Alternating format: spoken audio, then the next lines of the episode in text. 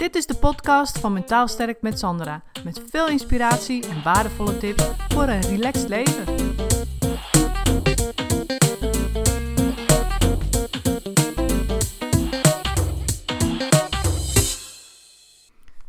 Het is nu weer lente en uh, dan uh, ben je natuurlijk uh, vaker buiten. Maar wat er dan ook aan de hand is. Ik heb er net ook een Facebook filmpje over gemaakt. Maar ik ga daar in de podcast even dieper op in. Wat er dan ook aan de hand is, is dat, um, hoor je natuurlijk de buren, hoor je ook. Wij hebben hier links en rechts buren. En nou, die hoor je dan natuurlijk ook buiten zijn en praten. En ja, de deuren staan open ook bij hun. En de ramen misschien wel staan wat meer open. Dus je vangt ook meer, meer gesprekken op. En daarmee ook ruzies. Ik weet niet hoe dat met jou is, maar um, ik hoor dat natuurlijk dus. En um, van de week hoorde ik dus de buurvrouw het uh, heel hard, uh, heel kwaad roepen tegen, tegen de buurman. Nee, dat hangt scheef en het moet recht, want ik hou niet van half werk. Nou, echt zo, hè? echt heel boos. En, ja, echt. En, uh, en ik hoorde de andere buurvrouw, die hoorde ik dus haar kinderen uitschelden. Nou, dat, dat was echt gewoon erg. En wat ze zei, die woorden, die ga ik ook echt niet herhalen, want nou, daar lust echt de hond nog geen brood van, wat ze tegen de kinderen zei. En nou, dat vond ik echt een next level uh, boosheid, waarvan ik dacht van, nou ja, dat, dat gaat te ver ook gewoon. En um, wat ik ook in mijn Facebook filmpje net zei, ik vind het, vind het gewoon een hele lastige, want wat moet je ermee, weet je wel? Maar daar kom ik zo nog wel even op terug. Waar het om gaat is dat boos zijn is natuurlijk een uh, emotie die we allemaal wel kennen. En er zijn een aantal oorzaken van boosheid. En nu ik, ja, ik ben natuurlijk psycholoog en ik zie veel mensen, ik spreek veel mensen en dan zie ik ook patronen in boosheid. En het zijn eigenlijk altijd dezelfde oorzaken waardoor mensen boos zijn. Dus ik dacht, weet je, dat is leuk om die eens even op een, op een rijtje te zetten in deze podcast. En uh, ik kom uit op vijf oorzaken van boosheid. En misschien herken jij je er ook wel in. En helpt het je om ja, gewoon meer inzicht in je te krijgen. Van goh, waarom ben ik nu eigenlijk zo makkelijk en zo snel boos? Want wat ik ook zei is dat, ja, weet je, het is ook zo gênant als je dat hoort, ruzies van anderen. En zeker als je zelf dus niet in die boosheid zit. En ja, daar gewoon helemaal totaal eigenlijk niet mee bezig was. En die ruzie, die, die hoor je en dat het overvalt je. En je zit dus zelf niet in die boosheid. Dan, dan kan het heel bijna een soort van plaatsvervangend gênant zijn. Wat je dan hoort. Weet je wel, omdat je heel erg daar op afstand van staat en je hebt er niks mee te maken en je weet eigenlijk ja, misschien heel niet wat de aanleiding was of waar het precies over gaat, maar het klinkt toch gewoon heel uh, raar als je dat dan hoort en gewoon gênant, weet je wel. En dat je dan echt bij jezelf ook denkt van, want ik ben ook wel eens boos op mijn zoontje of op een man of... Maar dat je dan bij jezelf denkt van, oh ja, weet je, dus zo klinkt het ook als ik het doe, bij wijze van klinkt dat ook zo erg. Weet je wel? Want als je zelf in die boosheid zit, dan, dan, dan zie je of hoor je dat niet. Dan ben je alleen maar met die boosheid bezig. En ja, dan sta je er totaal niet bij stil hoe dat dan eigenlijk bij anderen overkomt. Tenminste, daar ga ik niet van uit. Want ja, anders hadden ze het natuurlijk wel een tandje zachter gehouden. En uh, ja, ga je er wel, sta je wel anders in, zeg maar. Voordat je je kinderen uitscheldt of je man uh, op zijn kop geeft dat hij iets niet goed doet. Weet je, dan, dan, denk je daar gewoon nog eerst over na. Maar dat was dus niet het geval. Dus dan zitten ze natuurlijk helemaal in die boosheid. En dan ken je misschien zelf ook wel dat je dan gewoon maakt het je ook allemaal niet meer uit. Weet je, goed, je gooit het eruit en wie, wat kan het je schelen, wie het hoort of ziet, boeit allemaal niet, weet je. Maar als, als je dus een buitenstaander bent die je kijkt er op afstand naar, dan is dat gewoon echt eigenlijk gewoon heel gek om te zien. Een soort, ja, ik weet niet, ik weet het goede woord er niet voor, maar een gênant, gek, ja, gewoon raar. Je, verbaasd, weet je, verschrikt ben je er ook van. Tenminste, ik wel. Nou, zo dus. Toen dacht ik, oh ja, nou ja, die boosheid, die kun je eigenlijk herleiden naar vijf oorzaken. En de eerste daarvan, meeste, wat ik het meest tegenkom, is dat mensen boos zijn. Dus in, in dit geval een voorbeeld van de buren op elkaar. Dan heeft dat er mee te maken dat de een de ander niet accepteert zoals die is. Dus als je vaak boos bent op je partner, je man, kinderen of, of wie dan ook, dan heeft dat er over het algemeen mee te maken dat jij wil dat die ander iets anders gaat doen in gedrag. En diegene doet dat maar niet. En daarom ben je boos. Want jij eist dat het gedrag van die ander verbetert of verandert. Of dat, dat diegene het net zo gaat doen zoals jij. En dat gebeurt maar niet. En daarom ben je boos. Dus als je dit herkent, dan weet jij van, oh jee, ik accepteer dus die ander niet zoals die is. Ik merk het ook heel veel met ouders, weet je wel. Die hebben dan een probleem met hun kinderen. En daar vertellen ze dan over. En, als ik, en dan vraag ik eigenlijk wel eens gewoon van, goh, accepteer jij je kind zoals die is? En dan valt het altijd stil. En dan moeten ze heel hard over nadenken. En dan komen ze eigenlijk tot, tot de conclusie van nee, eigenlijk niet. Ik ben constant boos op hem of haar, omdat ik constant iets anders van hem verwacht of haar verwacht in gedrag. Dus ik ben constant eisen aan dat gedrag aan het stellen. En dat is soms echt shocking om daarachter te komen. Dus weet je, sta daar bij jezelf ook eens bij stil. Wat is het nu bij jou, wat die boosheid is? Is het dus één, acceptatie van de ander? Valt je moeilijk? Of is het twee, je eigen perfectionisme? Want dat kan je dus ook in de weg zitten. Dus de buurvrouw hier dus hiernaast die zei: ja, dat moet recht hangen. Want het hing scheef, blijkbaar. Dus die kon zich daar vreselijk boos over maken. Want het moet allemaal perfect. Dus als je heel erg in dat perfectionisme zit, van alles moet perfect, dan word je dus boos als het niet perfect is. Of word je boos op jezelf als je iets niet goed doet.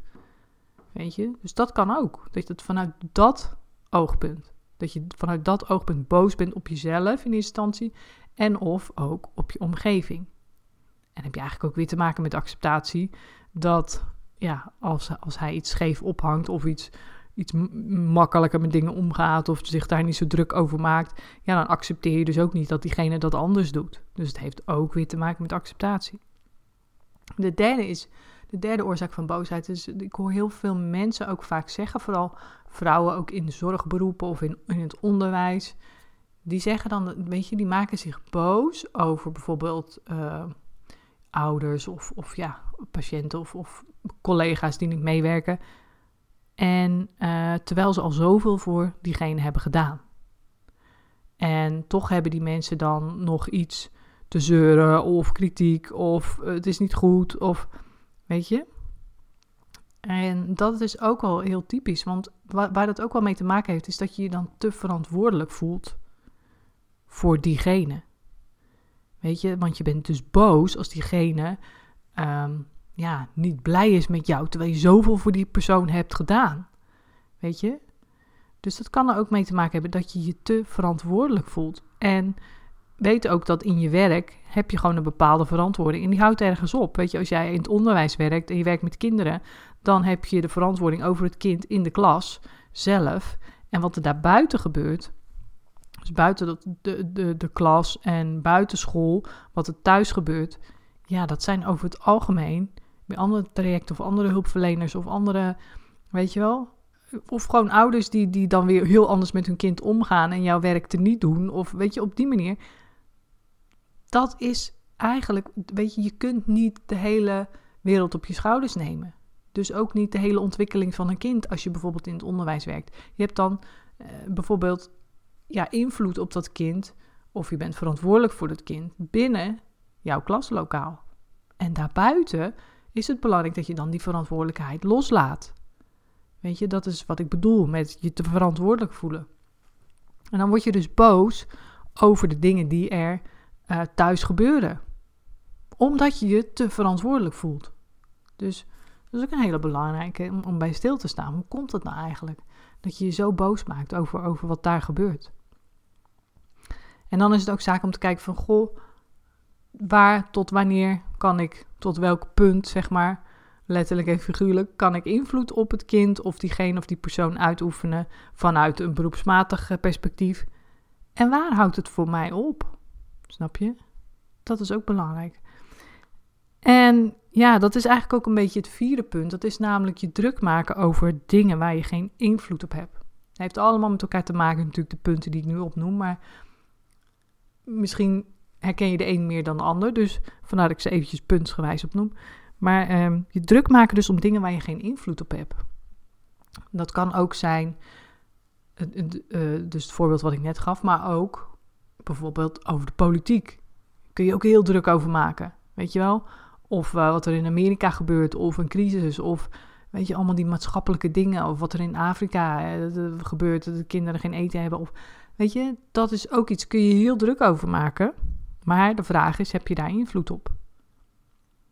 Mijn man, die is er ook zo een, die is dan, uh, maakt zich dan boos over wat er in de politiek gebeurt. Weet je wel?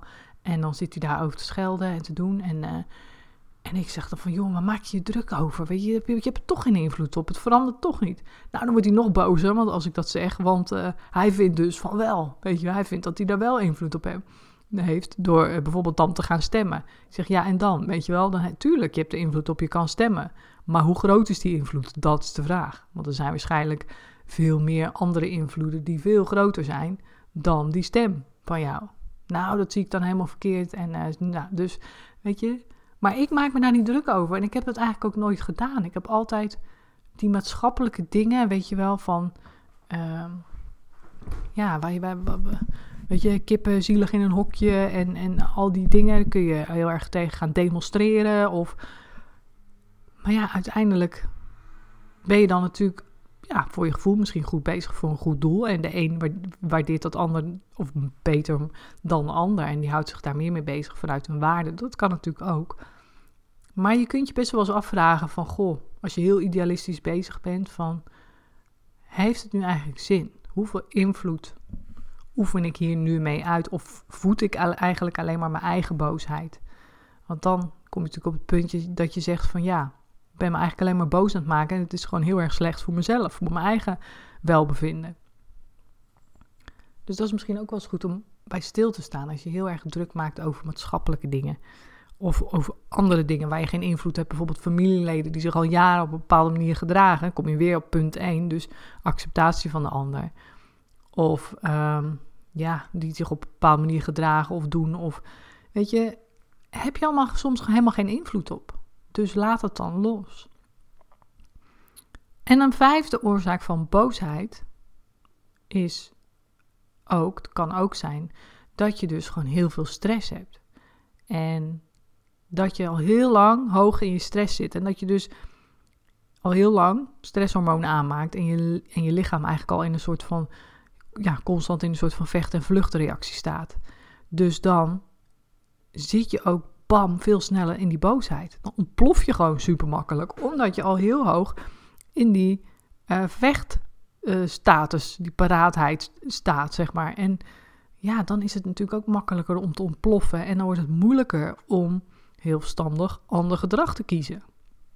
Wat natuurlijk wel je belangrijk ook is om te realiseren dat ook al ben je boos, je hebt altijd de keus om ander gedrag te kiezen. En ik zeg wel altijd, maar het is als je inderdaad heel hoog zit in die stress, is het moeilijker. Maar dan heb je nog steeds de keus om ervoor te zorgen dat je, dat je minder gestrest bent. Zodat, je, zodat die stresshormonen uh, afnemen, waardoor je rustiger wordt. En waardoor het dus makkelijker wordt om ander gedrag te kiezen.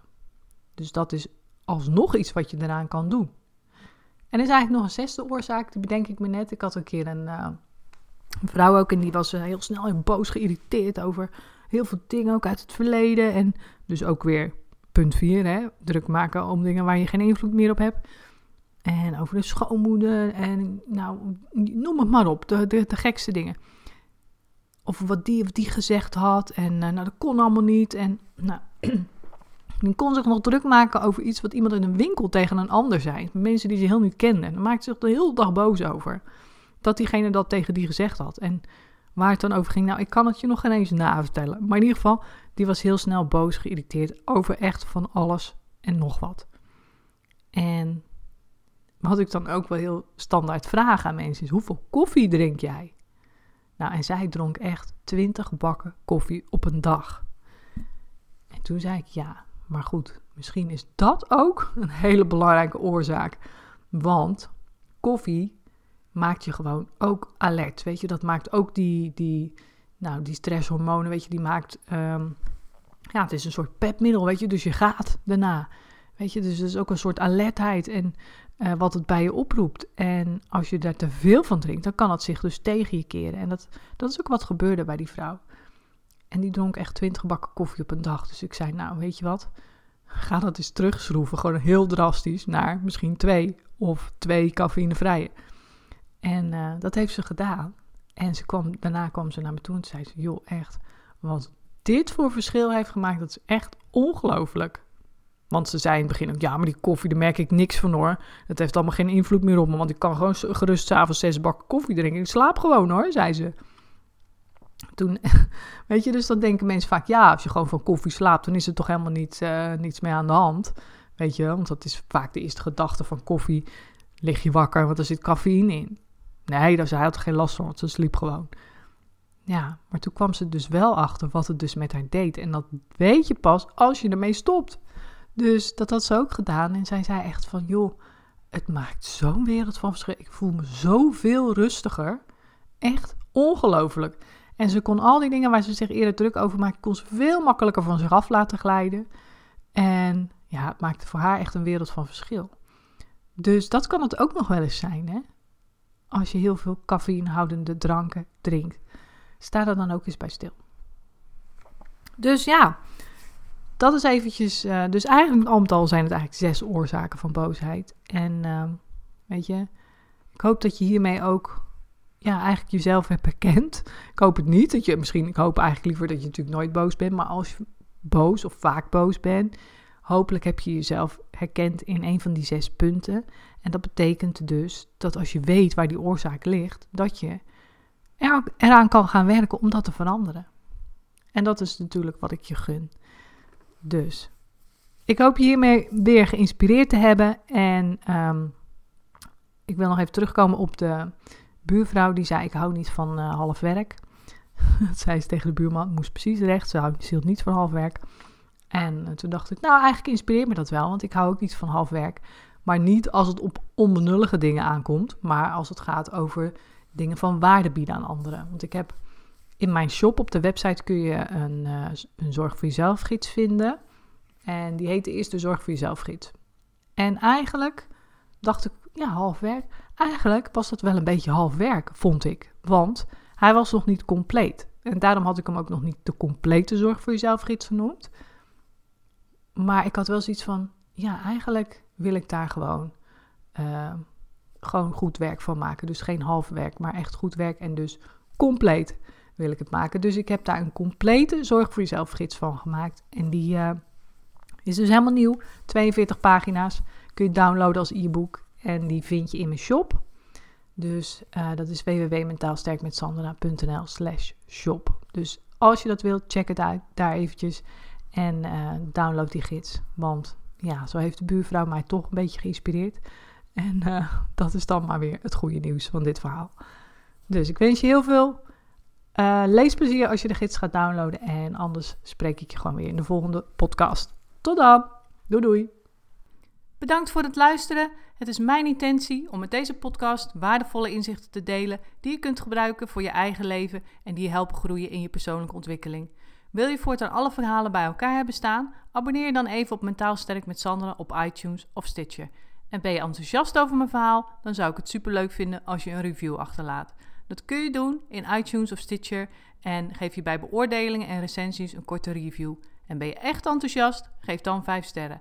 Dat zorgt ervoor dat ik hoger in de ranking kom te staan en nog meer vrouwen kan inspireren tot een relaxter leven. Mijn dank is groot als je dat even voor me wilt doen.